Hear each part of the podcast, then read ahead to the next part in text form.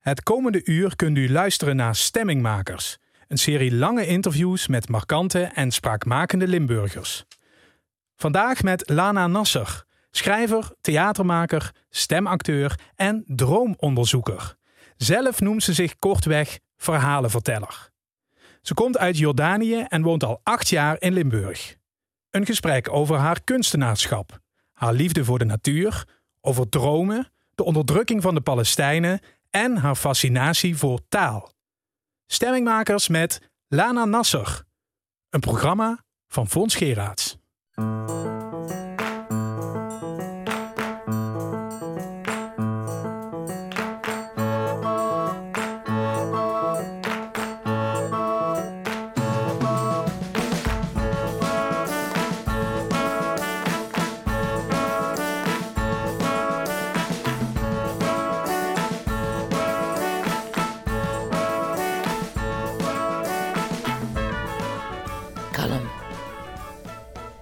Is dat wat je bedoelt met moedstemming?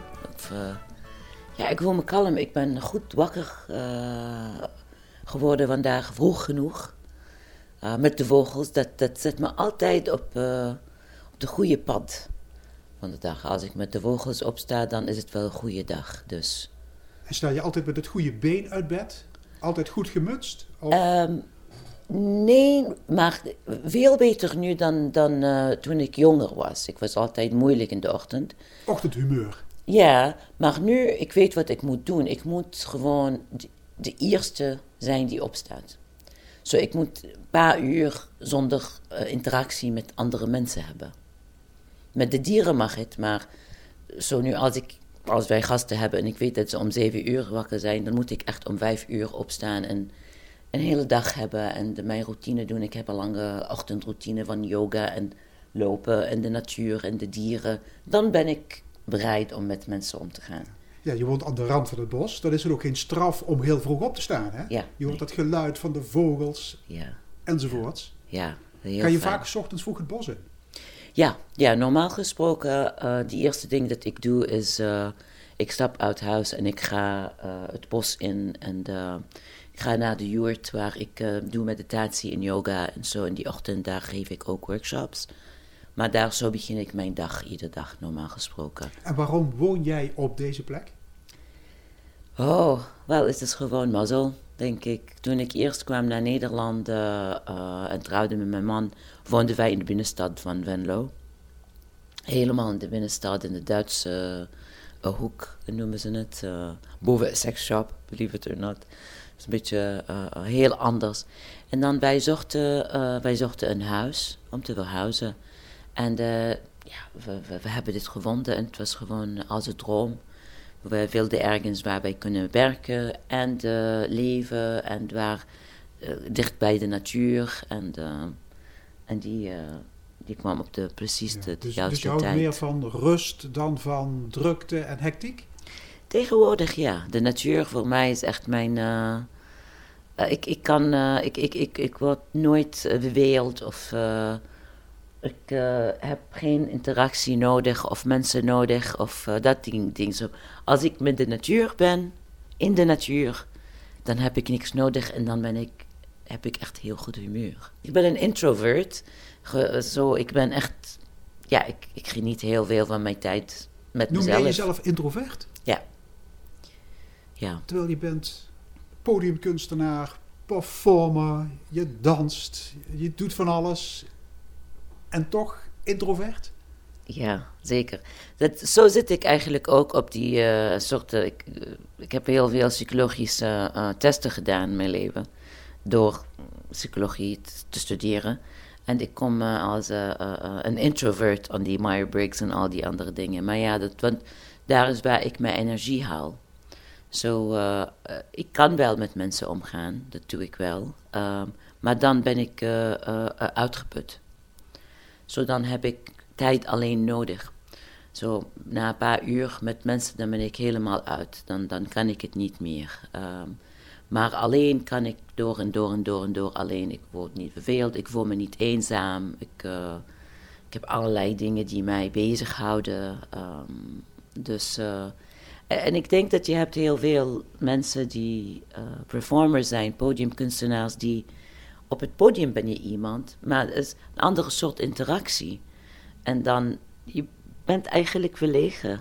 Uh, uh, en uh, niet, niet zo handig met mensen. Ja, dat, gek genoeg hoor je dat heel vaak hè, van podiumkunstenaars. Ja. Dat ze een wezen een hele verlegen, verlegen van aard zijn. Ja, ja, ja, en als je staat op het podium, je hebt de tekst, je weet wat is verwacht. En ja. er is, ja, je kan wel interactiewerk doen, maar je bent wel, je doet en dan ga je terug naar uh, you know, je kledingkamer. En ik weet dat toen ik meer uh, podiumkunstenaar uh, werk deed, of meer voorstellingen, toen ik meer voorstellingen deed, dan kreeg ik altijd tegen die na Weet je, dan als je naar de bar gaat en dat gaat met mensen praten en ik zit in mijn kamer en ik denk, oh nee, nou, dan moet ik nu naar buiten gaan en, en met mensen praten en gewoon leuk doen en, en zo. Dat, dat zo, oh, kan ik gewoon wegkruipen naar huis.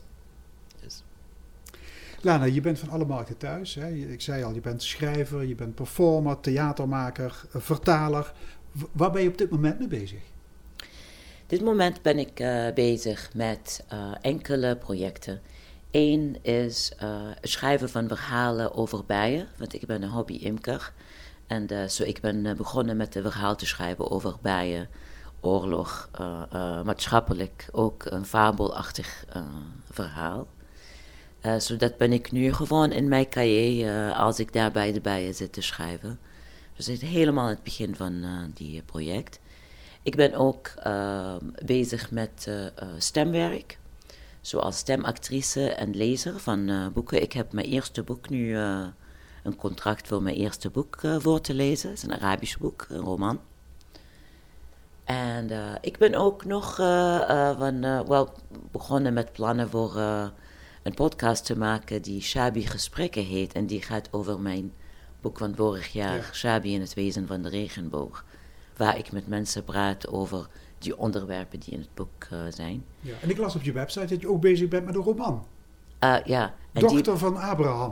Nee. Zit dat nog in de pijplijn? Of? Ja, die zit in de pijplijn nu voor ja, zeven jaar, kan ik zeggen. Dat is echt een lange, uh, lange project. Ja, het is iets, ik ben herschrijven en herschrijven en herschrijven. En ja, dat is een constant. Dus dat gaat nog een paar jaar duren voordat die roman. Uh, ik denk dat ik zal waarschijnlijk die bijenboek uh, eerder klaar ja. hebben dan die roman. Maar uh, in twee jaar moet ik dat gewoon afmaken. Want dan, dan, ben je nooit, dan blijft het in je hoofd. Het moet gewoon. Ik moet het gewoon loslaten en niet voor perfectie gaan. Ik, ik wil die, die probleem in die Palestina-Israël oplossen. Ja, daar kom ik straks nog op terug, okay. op die kwestie. hey, vorig jaar heb je het boekje Shabby en het wezen van de regenboog gepubliceerd. Hè, een moderne fabel, want Shabby is een kat. Wat, wat is het van kat? Wat spookt dat beest allemaal uit?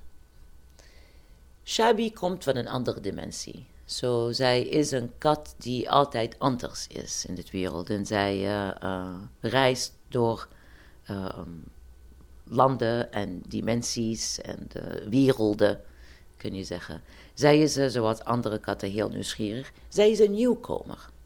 Zo, in dit verhaal is zij uh, een nieuwkomer in, uh, in Nederland. Ja, want de, de, multiculturele samenleving speelt er ook een grote rol in. Hè? Ja, ja, heel groot. Het is een grootste deel biografisch ook.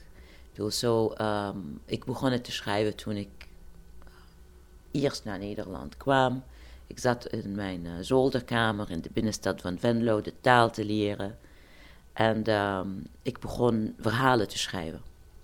Um, in plaats van grammatica-oefeningen te doen, want dat, dat vond ik wel saai. En ik begon met uh, de dierenverhalen te, te schrijven. En dan word ik die kat die moet integreren in, in burgeren en de, van alles en wat en dingen kwamen in de, de krant en de, mijn eigen ervaringen. En, de, en dat werd langzaam maar zeker uh, in een boek, die ik dan samen uh, in een verhaal uh, ge, ge, gevormd of een collage van gemaakt. Kun je ja, zeggen. er zitten ook psychologische en, en filosofische uitweidingen in dat, in dat boek. Want de lezer moet aan het denken worden gezet? Ja, dat is de bedoeling. Voor mij het is het, ik, ik, ik wil geen antwoorden geven, want die heb ik niet. En uh, um, ik denk een van mijn uh, doelen als, als uh, schrijver of kunstenaar is mensen prikkelen. Om vragen te stellen, om anders te kijken naar het leven, naar zichzelf. waar onderwerpen dat ze niet zien, dat ze zien. En denken, oh, oh, oh, zo doe ik dat. Of waarom doe ik het zo? Of wat betekent dat? dat ja.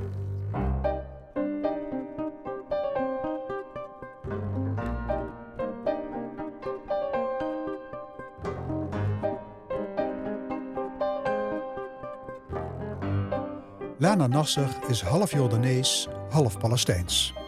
Haar vader komt namelijk uit Silwan, een deel van Oost-Jeruzalem dat sinds 1967 is bezet door Israël. Haar moeder komt uit Jordanië. Dochter Lana is geboren en getogen in de hoofdstad Amman. Hoe kijkt ze terug op haar jeugd? Hoe was die tijd? Die waren de goede tijden, denk ik, als je mensen vraagt. Uh, de, de,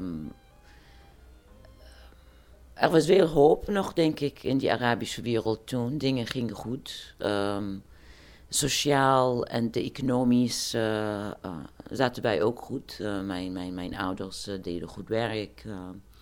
hebben niks nodig, nooit iets nodig gehad of zo. En toen in die jaren, ik weet in Jordanië, die, het verschil tussen arm en rijk was minder. Dingen waren beter. Dit was voor die uh, Kuwait- en Irak-oorlog. Dat is uh, voor, die, uh, voor de, de, de intifadas die gebeurden. Er was hoop. Er was, het leven ging goed. Het was ook een klein land.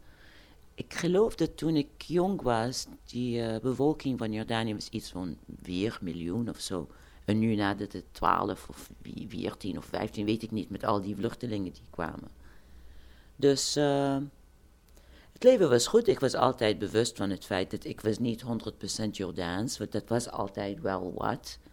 Dat ben je Jordaans, Jordaans of Jordaniër, Jordaniër, of ben je Jordaans, Palestijns. En er was wel dat verschil.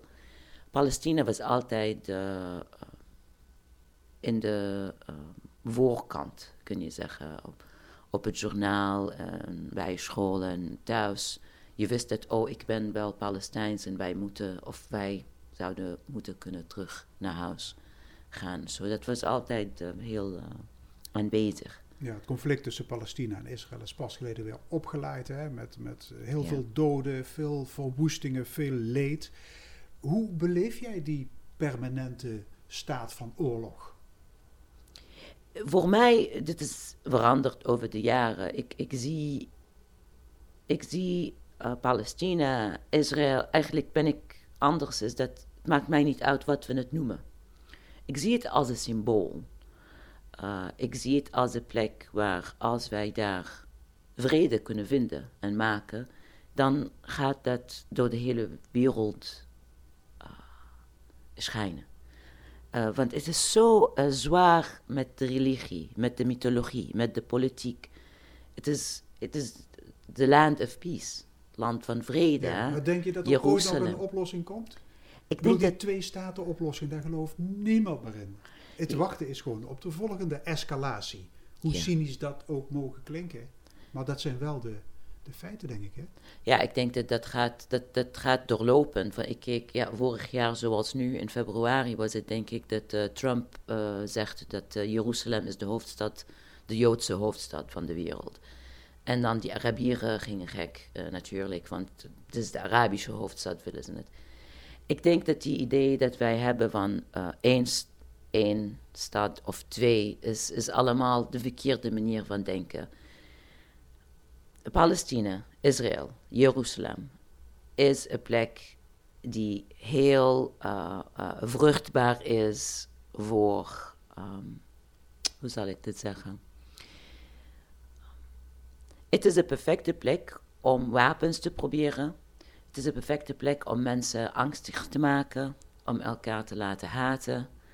Uh, het is een politieke spel die uh, speelt op heel grote uh, vlakken als het gaat over de VS, over... Um, Kijk, mijn vader in 1937 was geboren in Silwan die, en, en hij, hij heet Ibrahim. zijn buren uh, een andere uh, Joodse familie hadden ook een kind en hij, ze, ze, hebben hem genoemd Avram. En die waren vrienden. En toen Al-Karama-battle gebeurde, die Avram kwam naar mij, mijn oma toe en zegt, kun je voor mij bidden dat, dat, dat niks mij markeert, dat ik terug kan komen. En zij zei, zoon, wil je dat ik voor jou bid, zodat je kan onze zonen gaan vermoorden. Hij zei, nee, ik ga, ik ga Palestijnen niet vermoorden. En zo zei bid voor hem. En dan toen uh, die siege gebeurde, hij bracht eten en water naar mijn, mijn uh, opa en oma toe. Het probleem is niet tussen Joods en moslim en christen. Het is een politieke spel. Er zijn mensen, de manier dat ik het zie, is dat er zijn mensen die winnen van die oorlog dat wij daar hebben, zoals oorlog overal. Er is veel geld in oorlog. Ik denk aan de, de, de, de mensen die willen, die willen hetzelfde ding. Ja? Die, die Israëliërs. Eh, er zijn Arabieren die ook Joods zijn. Uh, die zijn nu ook Israëliërs die Palestijn zijn, want ze houden de, Israëlische paspoort. Maar die idee van één staat of twee staten is, is verkeerd, want wij kijken van bovenop naar onder. Maar het hele systeem is corrupt. Dus als je ook kijkt, Netanyahu is corrupt, Abbas is corrupt. Ze zijn allemaal zijn uh, zakken aan het vullen en um, ze zoeken geen oplossing. Wij zijn dezelfde mensen. Er is zelfs DNA-testen die zeggen dat de Palestijns, de echte Palestijns en de Israëli's, de Israëlites, hebben um, de DNA is hetzelfde of heel dichtbij, meer dan met de Europeaan, uh, Joodse of wat dan ook. We zijn dezelfde mensen. dus als, als er naar de burgers ligt, is er geen oorlog. In het verleden was er geen. de machthebbers die daar kennelijk anders over denken. Maar ik heb wel de indruk, Lana, dat de buitenwereld zich steeds minder bekommert om Palestina. Wat bedoel je bekommerd? Wat betekent dat? ze daar iets van aantrekken. Nu? Ja, ik bedoel, de Arabische buurlanden die zoeken economische samenwerking met Israël. Ja. Amerika is altijd pro-Israël. Uh, ja, wat blijft over? De Europese Unie. Ja, en dat is, dat is ook, ik bedoel, die, die, die Palestijns zijn zoals de Kurd, Kurdish population van de wereld. Ze zijn een beetje zoals die uh, Native Americans uh, van, van Amerika en Canada. Of um, niemand staat bij ze. Nee. Heb je het gevoel dat de Palestijnen uh, steeds meer in de steek worden gelaten? Ik denk dat ze zijn heel lang geleden in de steek uh, gelaten. Ik denk dat ze zijn een beetje ook als wij kijken naar Abraham en, en, Isaac, die zijn de, de schaap. Uh, en, en dat ze zijn gewoon verkocht. De, ze tellen niet voor zoals eerder. Ik bedoel, toen ik jong was, dat stond nog voor ons. Palestina was iets Palestijn was iets, we gaan het terug. Maar tegenwoordig, die laatste uh, gebeurtenissen, hoor ik veel van mensen dat er is wel meer aandacht terug. Dat mensen uh, uh, zijn meer bewust van die Palestijnen mensen. dat ook Europa, ik bedoel, ja, wij, wij lezen links kranten en dat soort dingen. Zo je ziet, oh ja. Er is, meer sympathie voor de. Er is een beetje meer sympathie en zo, ja. Maar helaas alles draait om uh, uh, economische uh, belangstellingen. En als je kijkt naar die, die, de Golf of Saudi-Arabië of, of die landen. Ja, het gaat niet over de mensen, het gaat over gewoon commerce, over economie, over geld. En er is gewoon heel veel geld in oorlog. En ook er is heel veel. de machthebbers willen de macht blijven houden. En Israël in het midden van de Arabische wereld is handig.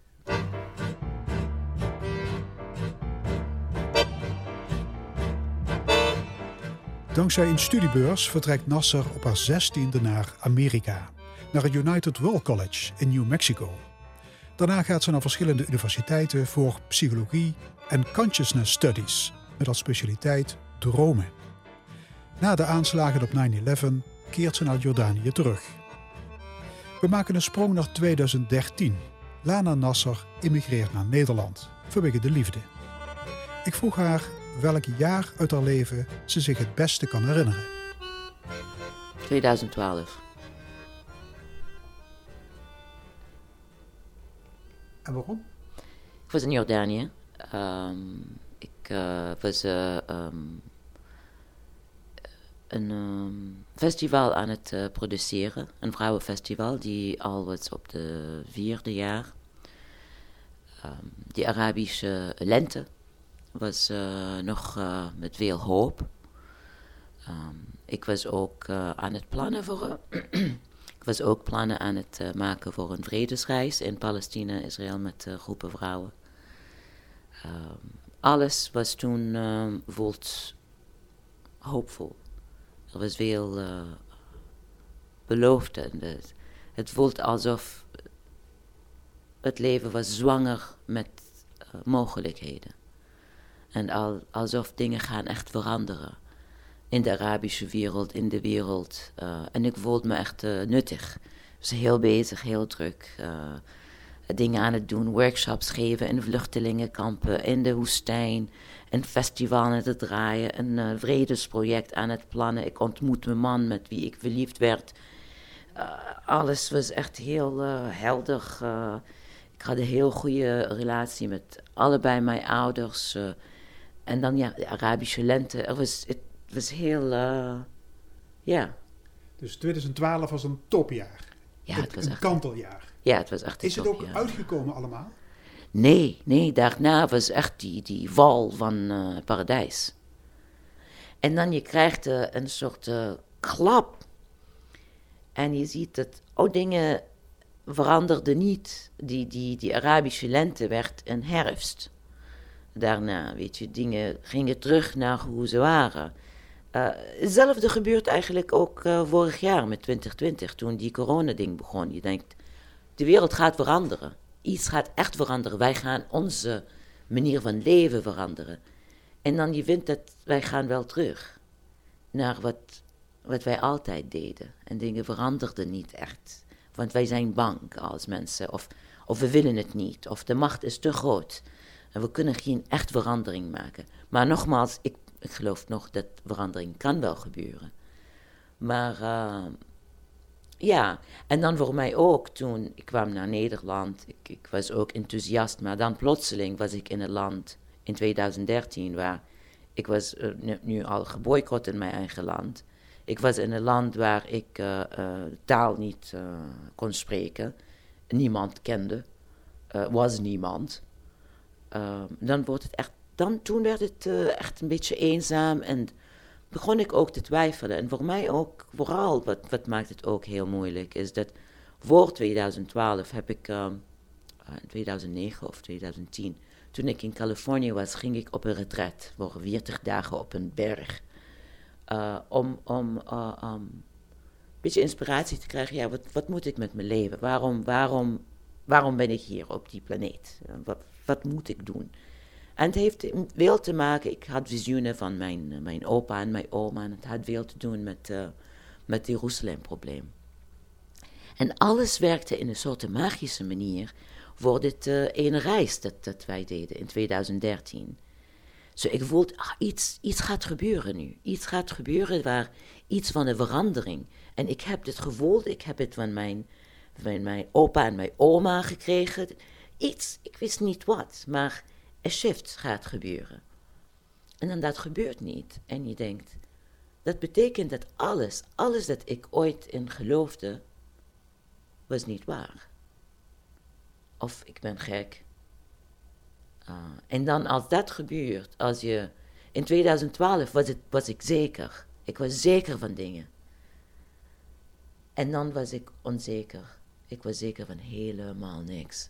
Zo voor mij persoonlijk, het was wat ze noemen, ik weet niet hoe het in Nederlands heet, maar in, psychologie en mythologie, de dark night of the soul. Dat, dat je krijgt, plotseling ga je in de onderwereld. Alles dat je erin gelooft, je begint over te twijfelen en je denkt, oh, nu moet ik beginnen, nu ben ik dood. Nu ben ik beginnen van nul. Annemarie Staaks uit Venlo is schrijver en journalist. Ze leerde Lana Nasser kennen tijdens een boekpresentatie en ze raakte bevriend. Ze was redacteur van Lana's vorig jaar verschenen boek Shabby, een fabel met als hoofdpersoon een kat. Wat is volgens Annemarie Staaks de meest typerende eigenschap van de Jordaanese? Haar vurigheid, denk ik. Ja. Ja, er zit heel veel, heel veel pit in en heel veel uh, drive en ook wel, uh, ja, ja, ik, ik denk Nederlandse mensen zo zeggen, want het is, wel een, het is wel een karakter. Het is wel iemand die iets wil en die iets te zeggen heeft en die heel veel uh, ja, vuur kan, kan laten zien ook in haar gedrag. Heb je enig idee wat haar drijft als performer, als schrijver, als kunstenaar? Ja, zij heeft uh, voor zichzelf steeds. Uh, uh, ik weet, we hebben veel gesproken over levensdoelen. Van waarom ben je op aarde? En dat dat ook verschuift. En dat je wel, ja, je moet zoeken naar iets wat je drijft, waar je voelt van daar ga je innerlijk van aanstaan. En ik weet dat ze uh, daarin heel ambitieus was en dat het voor haar ook wel kleiner is geworden. Ze heeft uh, volgens mij ooit als levensdoel uh, gesteld vrede in het Midden-Oosten creëren of zoiets.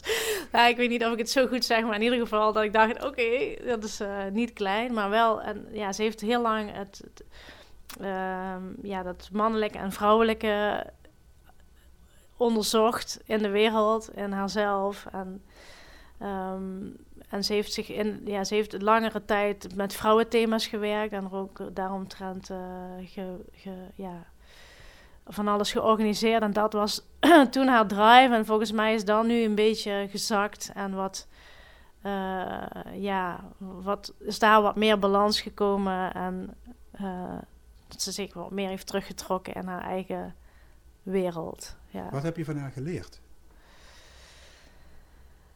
Ja, dat je gewoon kunt zijn wie je wilt zijn. En dat je niet uh, hoeft te voldoen aan beelden die de maatschappij opleggen. Of uh, dat het namelijk niet bestaat. Ik denk dat door je te verplaatsen over de wereld. Dat je op een gegeven moment ontdekt, ja, alles is ook maar een idee. Of, en als je ergens anders heen gaat, is het idee weer anders. En um, zij heeft heel sterk voor zichzelf. Een, een, ja, ze kiest heel sterk voor zichzelf. En uh, ja.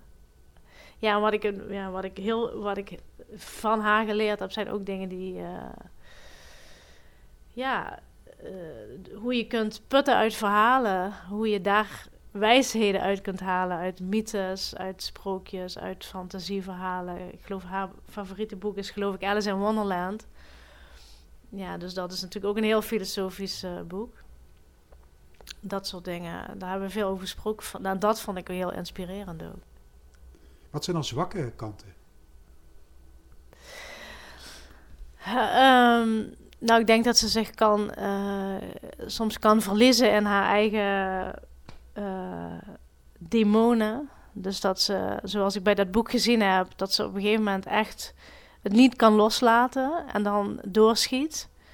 Um, en dan, uh, ja, dan is, ze, heeft ze denk ik, dan is ze ook denk ik het moeilijkste voor zichzelf.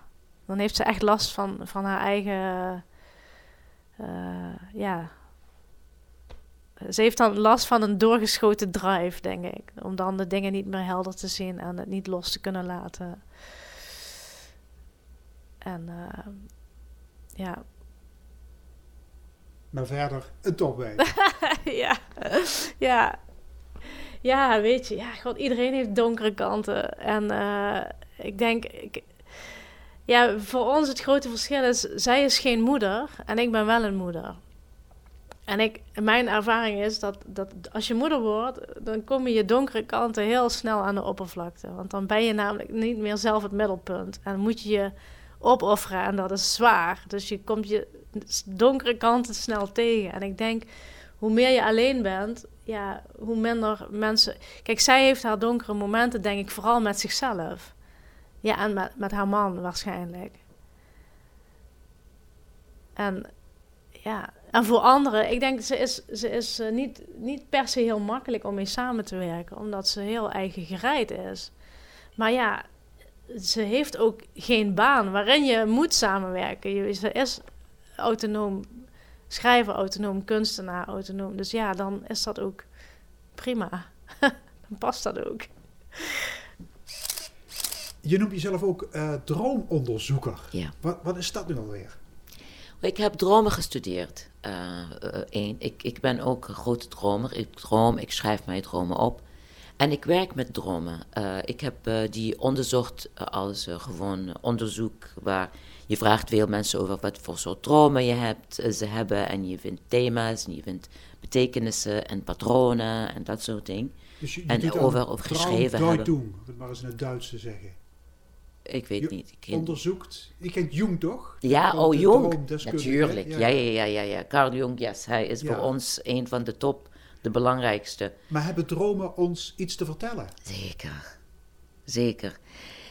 Eh, er zijn verschillende dingen uh, met de dromen. Uh, als wij dromen. Ik, ik kijk zo. Als, als wij wakker zijn, dan. Wij zijn heel gefocust. Je bent een beetje als een paard die doorloopt en die heeft die dingen op de zijkanten. Je bent gefocust, je ziet wat voor je staat. In dromen is je ego minder uh, in controle. Dus je ziet, je ziet meer, breder. Er zijn dingen die gebeuren in de hersenen waar um, relaties zijn gemaakt met bepaalde dingen. Dat je denkt, ah, hoe is het? Waarom droom ik van die ene vriend, maar hij lijkt op die iemand en we zijn in dit huis en en alles komt samen om, om, om je iets te vertellen. Zo soms dromen wij om de dag te bewerken. Zo je hebt veel gedaan die dag, misschien heb je een probleem of angst of wat dan ook. Dat kan in de droom komen. Soms uh, vertelt je de droom iets die je moet uh, doen of leren of zien. Of het geeft je uh, inzicht in je leven. En zie niet alleen de droom zelf, maar het is de interpretatie van de droom. Hoe en daar, daar, daar is het werk, kun je zeggen. En daar werk ik ook met mensen um, als groepen en, en individu, individu waar uh, we zitten samen, je vertelt je droom en wij beginnen te praten. Oké, wat, wat maakt het, uh, wat brengt dat jou? Wat maakt het je aan denken? Wat de symbolen erin? Um, dus dromen zijn boodschappen van het onderbewustzijn? Ja, ja zeker. En dan hoe je die interpreteert. En daar moet je ook iets mee doen? Moet, ja, moet, ja. Ik denk wel. Ik denk dat de dromen komen om ons iets te laten weten of leren. En dat ze komen om. Ik denk dat alles gebeurt voor ons als mensen.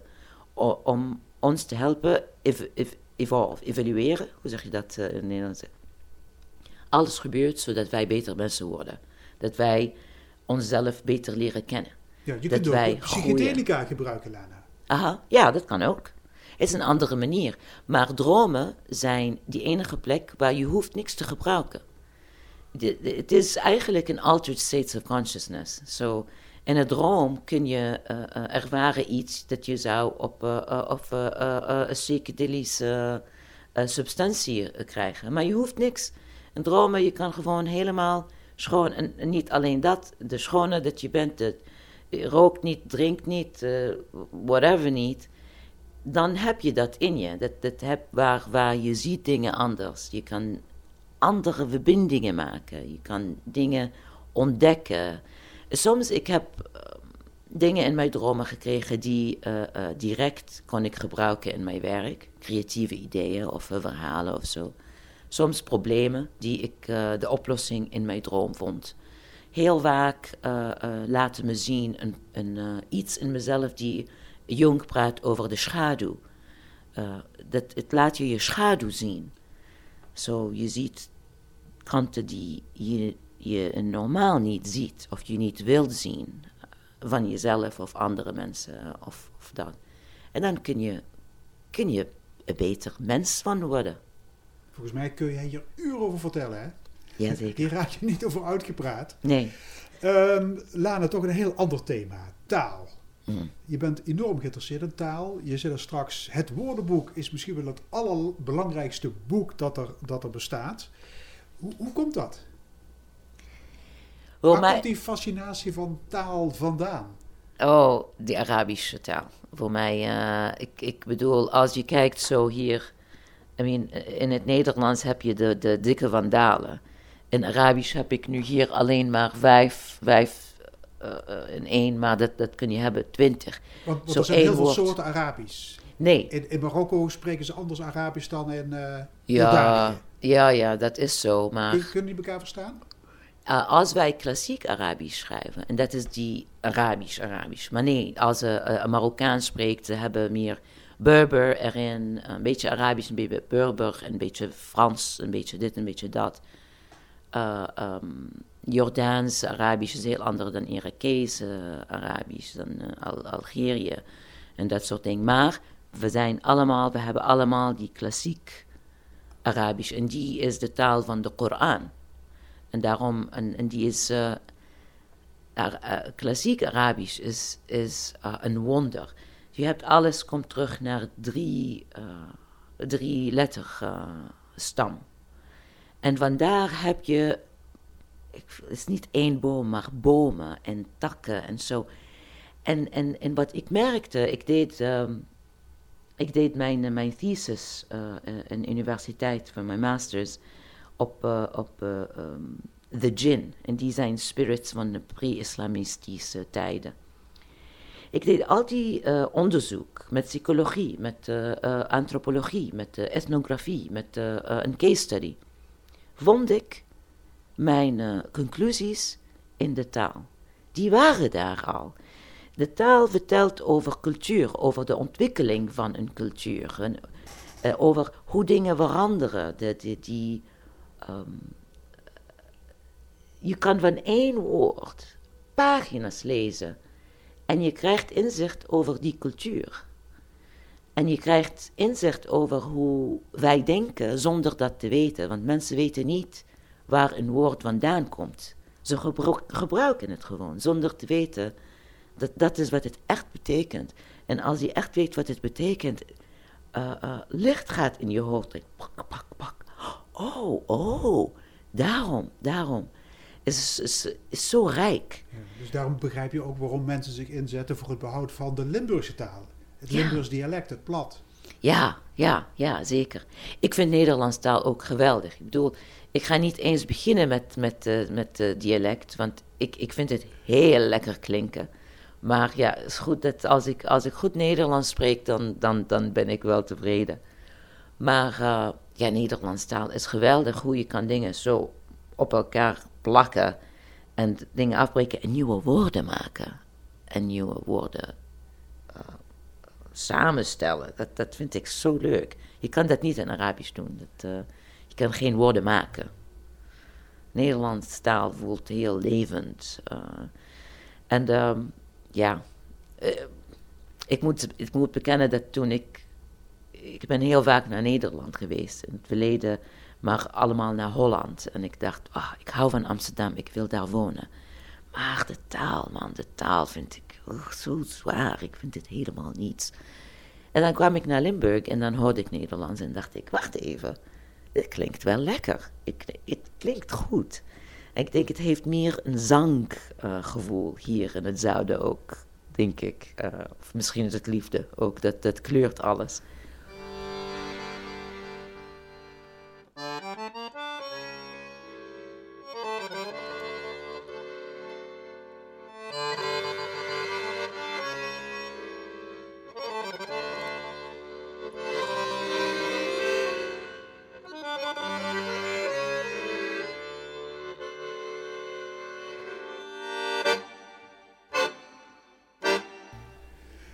Lana, je bent ook ecofeminist.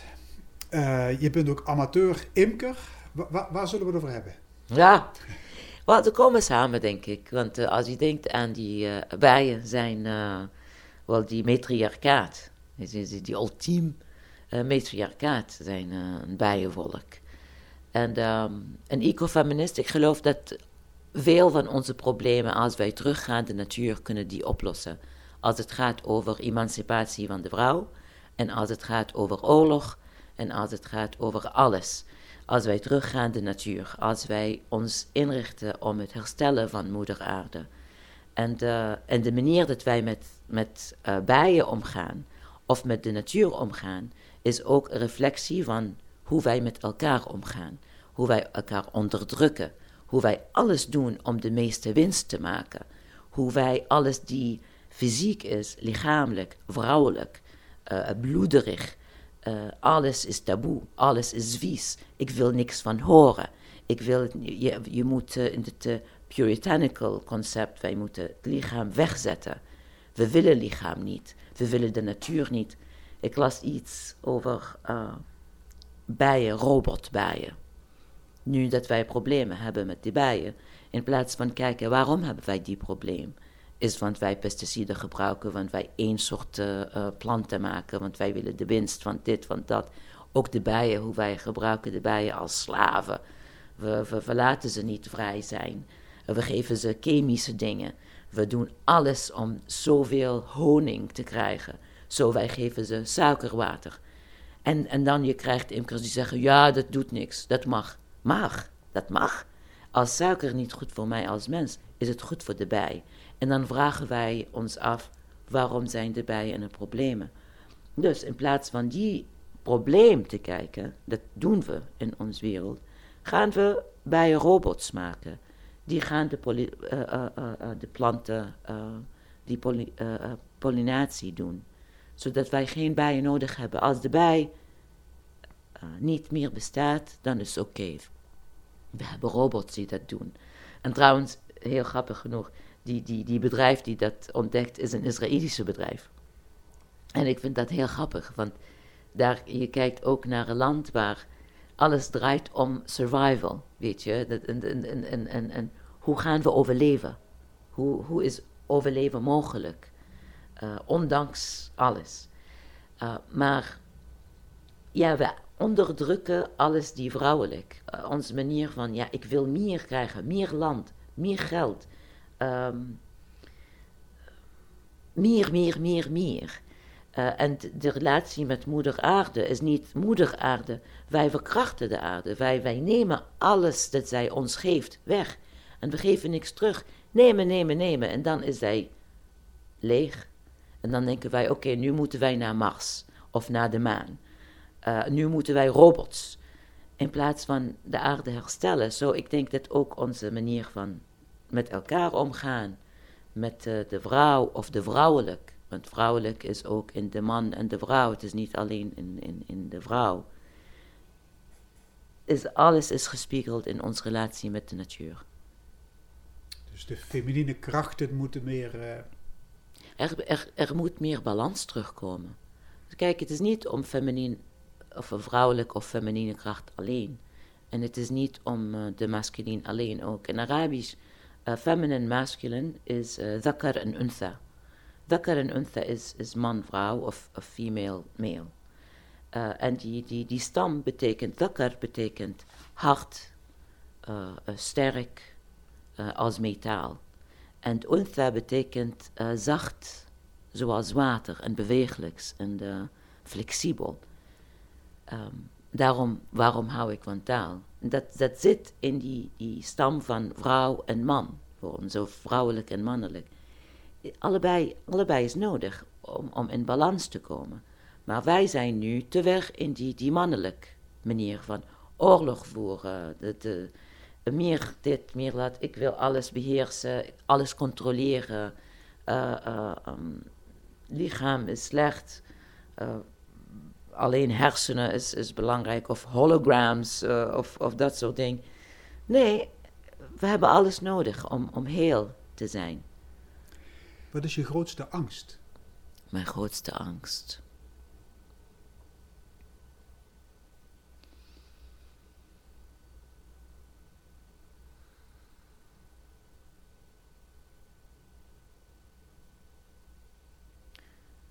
Mijn grootste angst. Ooit kon ik dat makkelijk. Ooit toen ik puber was, heb ik iets geschreven over insanity. Dat ik zou uh, mijn. Ik, ik, ik, ja, zou dan door, door mijn ogen kijken, maar niet mezelf zien. Zo toen heb ik het gezegd. Ik weet het niet, want ik probeer alle mijn angsten te ontmoeten en te overkomen.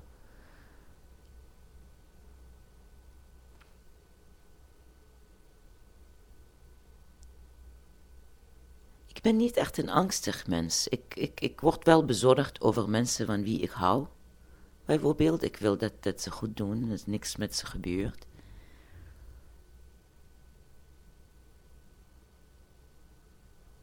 Misschien mijn grootste angst zou zijn dat ik. Ja, ik weet niet of het een angst is. Niks zou betekenen of achterlaten of. of uh... Maar dat is niet eens een angst. Ja, ik kan niet geen angst hebben. Ik kan, kan, kan ik zonder angst zijn? Ik bedoel, kun je gewoon fearless. Dat kan, dat kan. Fearless. Ik ben fearless. Hoe zeg je dat in het Arabisch? Uh, maar in die geloof, ja, in Arabisch kun ja, je, er is geen één woord dat ik ken in Arabisch, dat is fearless. In, in het Nederlands is het angstloos, angstvrij. Of, uh, ik ken geen angst. Dat, dat, dat, dat klinkt wel heel stoer.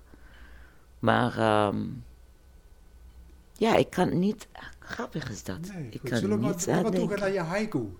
Oh, ja, yes, je hebt op haiku. ons verzoek een haiku geschreven. Oh, een yes. regelig Japans gedicht hè, met respectievelijk vijf, zeven en vijf lettergrepen. Wat is het geworden, Lana? Oké, nou, je gaat, dit, dit gaat je niet verbazen, aangezien mijn interesse. De dag vliegt hemels met schitterende vleugels. De winter komt nooit. Toelichting? Zeker. Darren, die zijn de, de, de, de, de mannelijke bijen. Um, die zijn geboren eigenlijk om uh, die koningin te bevruchten. En um, als ze dat doen, dan sterven ze. Als, ze. als ze dat niet doen, dan blijven ze wel een beetje leven, maar ze overwinteren nooit. Want ze, ze, ze doen niks anders. Ze, ze verzamelen geen honing ze, of nectar of zo. Ze zijn geboren om de koningin te bevruchten. En in de winter, ze zijn niet nodig. Dus als, uh, als de winter komt, of laat herfst, dan krijg je wat heet die, die uh, uh, darrenslacht. Zo die darren die wel nog leven zijn geslacht door die werksterbijen, zodat ze niet overwinteren. En die, die darren, ik, ik zag vorige week, en dat is wel vroeg voor een darrenslacht, zo ik weet niet wat die ene volk van mij aan het doen zijn. Maar um, hij had de meeste mooie vleugels, die ene dag. Hij stond daar echt alsof te pronken, weet je, zo, met zo die mooie vleugels. Ik denk, ja, je kan de mooiste vleugels hebben, maar als die tijd komt, dan komt het. En het maakt niet uit. En de volgende dag, en ik weet niet of dezelfde dag of een andere, zag ik een dag zonder vleugels. Hij was helemaal, hij was op zijn uh, doodbed, kun je zeggen. En ik had hem zo op mijn vinger naar kijken. En ik denk, oh, ben jij het? Was je, was je de ene met die hele mooie vleugels gisteren? Er is iets die heel verdrietig is, maar eerst iets die ook heel uh, oors en moois in, in, die, in het, het, leven van een bij, of in dit geval een dag. Oké, okay, nog één keer de haiku. De dag vliegt hemels met schitterende vleugels. De winter komt nooit.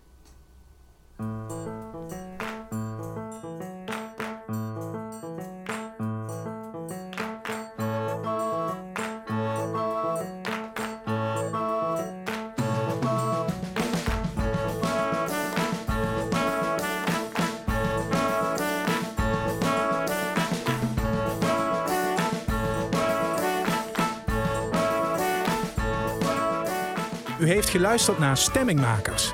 Deze keer met Lana Nasser, een Palestijns-Jordaanese in Limburg. Schrijver, performer, stemacteur, droomonderzoeker en amateur-imker. Ze woont en werkt in Tegelen. Techniek Erwin Jacob. Samenstelling Fons Geraerts.